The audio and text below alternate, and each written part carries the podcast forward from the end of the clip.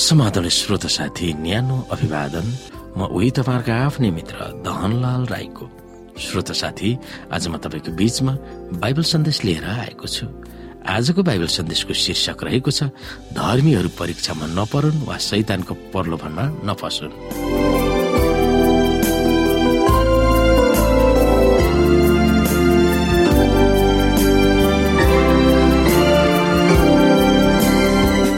श्रोत साथी भजनका लेखक के सङ्घर्षमा फसिरहेका थिए। हामी हेर्न सक्छौ भजन संग्रहको पुस्तक सैतिस अध्यायको एकदेखि। दुष्टहरूलाई देखेर झर्को नमान कुकर्मीहरूप्रति डाही नहो। परमप्रभुको सामान्य मौन बसेर धैर्यपूर्वक उहाँको प्रतीक्षा गर। मानिस आफ्ना कुमार्गमा फलिफाप हुँदा र त्यसले खराब युक्तिहरू कार्यान्वयन गर्दा तिमी झर्को नमान। रिसाउन छोड र क्रोधलाई त्याग। झर्को नमान यसले खराबी गर्नतिर मात्र ढल्काउँछ ए सबै मानिस हो सुन संसारका सबै निवासीहरू हो सुन। उच्च र निज धनी र गरिब सबै ध्यान दियो मेरो मुखले बुद्धिका कुरा बोल्नेछ मेरो मनले बोलेका कुराले समझदारी प्रदान गर्नेछ। म एउटा हितोपदेशमा ध्यान दिनेछु। बिडा बजाएर म आफ्नो अड्को फकाउनेछु। दुःखका दिन आउँदा अनि खेदो गर्नेहरूको दुष्टताले मलाई घेर्दा म किन डराउने? तिनीहरू आफ्नो सम्पत्तिमाथि भरोसा राख्छन् र आफ्नो ठुलो धनराशिको अहंकार गर्छन्। कुनै मानिसले मोल तिरेर अर्कालाई कदापि छुटाउन सक्दैन वा परमेश्वरलाई उसको जीवनको मोल त्यसले दिन सक्दैन। हे परमप्रभु प्रतिशोध लिनुहुने परमेश्वर बदला लिनुहुने हे परमेश्वर आफ्नो ज्योति प्रदर्शित गर्नुहोस्। हे पृथ्वीका न्यायाधीश उठ्नुहोस्। अहङ्कारीहरूलाई तिनीहरूका कर्मको प्रतिफल दिनुहोस्।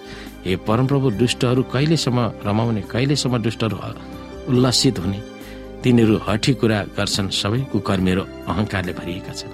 हे परमप्रभु तिनीहरूले तपाईँका प्रजालाई मिच्दछन् र तपाईँको उत्तराधिकारका मानिसहरूलाई सताउँछन्। तिनीहरूले विधवा र विदेशीहरूको हत्या गर्छन् र अनाथहरूलाई मार्दछन्। तिनीहरू भन्छन् परमप्रभुले देख्नुहुन्न याकुबका परमेश्वरको वास्ता गर्नुहुन्न र दुष्टहरूको रात दण्ड धर्मीहरूका निम्ति राखिएको देशमा रहने छैन। नत्र त धर्मीहरूले आफ्ना हात अधर्मतिर लगाउनेछन् हे परमप्रभु असल गर्नेहरूलाई असलै गर्नुहोस्। तिनीहरूलाई जसका हृदय सोझा छन्। तर कुमार्गतिर लाग्नेहरूलाई परमप्रभुले दुष्ट काम गर्नेहरूसँग निर्वासित गर्नुहुनेछ। इजरायलमा शान्ति होस्। श्रोता हिजो होस् या आज दुष्ट भ्रष्ट अधर्मी खुङखार मानिसहरूको उन्नति र फलिफाप देखेर परमेश्वरका जनहरू जो बाँच्न वा घाँस बाँस कपासको निम्ति सङ्घर्ष गरिरहेका छन् तिनीहरूका बिलौना र व्याकुलता उपयुक्त भजनहरूले सुस्केर हाल्दै सुनाएका छन्। धर्मीहरूको गति किन नराम्रो छ त? भन्ने चुनौती ती भजनहरूले पर्दाफास पनि गर्दछन्। दुष्ट अपराधी अनैतिक र भ्रष्ट चरित्र भएकाहरूको फलिफाप मात्र होइन। कतिपय समयमा तिनीहरूले परमेश्वरको खुलेआम विरोध गर्छन्। उहाँलाई हेप्छन् र आफूहरू माथि आउन अरूहरूलाई दबाउँछन् र पेल्छन् अझ अलमल्ल पार्ने विषय त यो छ। दुष्टहरूका राजदण्ड वा नीतिहरूले संसारलाई शासन गर्दछ। धर्मीका राजदण्ड वा नीतिहरू असफल भइरहेको हामी देख्छौँ। त्यसकारण यस संसारमा क्षणिक जीवन बिताउँदा अरूहरूले जस्तै परमेश्वरप्रतिको विश्वासलाई लत्याएर दुष्टतालाई नै अँगालेर हामी हामी पनि किन मनमौजी गरेर नहिँड्ने भन्ने मनोवृत्ति हामीमा जाग्दैन र। तर भजनका लेखकलाई आफ्नो सङ्कटबाट कसरी उम्के त अस्थायी जीवनमा मात्रै रमझम गर्ने र सांसारिक उपलब्धि र सम्पन्नतामा मात्रै रमाउनेहरूको अन्त्य कसरी हुनेछ भनेर भजन सङ्ग्रह त्रिहत्तर अध्यायले बताउँदछ।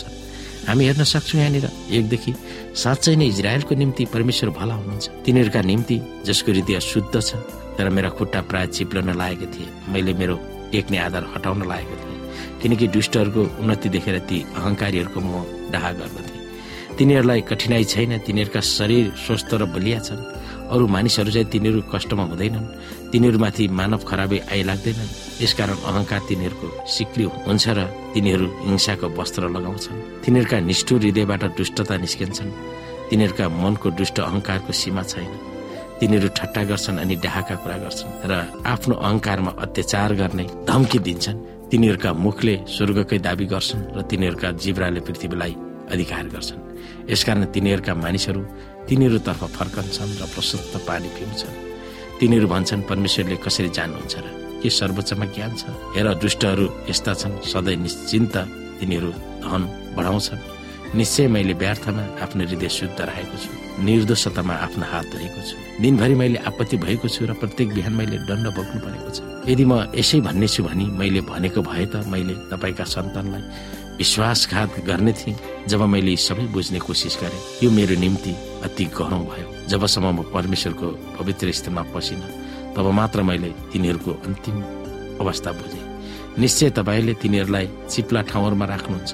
तपाईँले तिनीहरूलाई सर्वनाशमा फालिदिनुहुन्छ। तिनीहरू कति अचानक नष्ट हुन्छन् त्रासले तिनीहरू पूर्णत बगाइने। तिनीहरू बिहान बिउजाँदा सपना जस्तै टलिजान्छन् हे परमप्रभु तपाईँ बिउजाँदा तिनीहरूलाई कल्पना चाहिँ टुच्छ ठान्नुहुन्छ जब मेरो हृदय दुखित भएको थियो र मेरो मुटुमा तितोपन भएको थियो। म यस्तो बेवकुफ र अबोध थिएँ।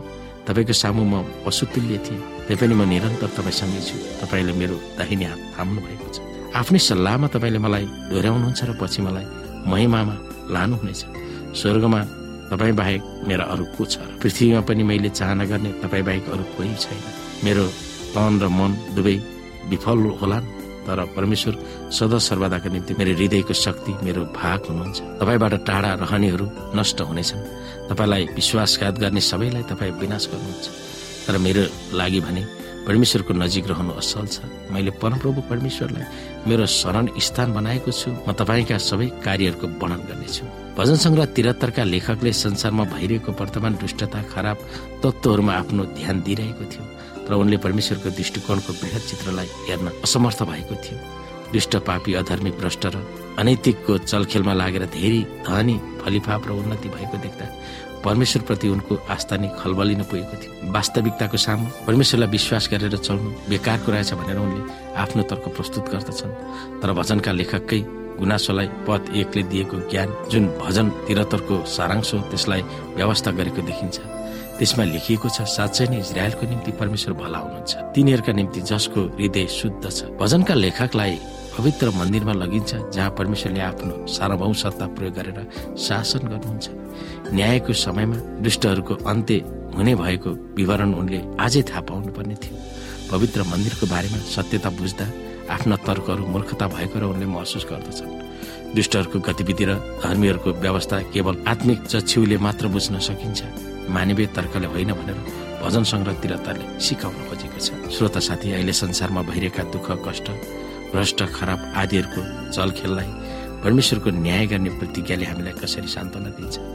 दुष्टहरू अहिले चम्किरहेका छन् तर तिनीहरूलाई बिना दण्ड छोडिने छैन भनेर भजन सङ्ग्रह तिरतरले नै बताउँदछ हामीलाई। यिनी कुरामा हामी सोच्न सक्दछौँ।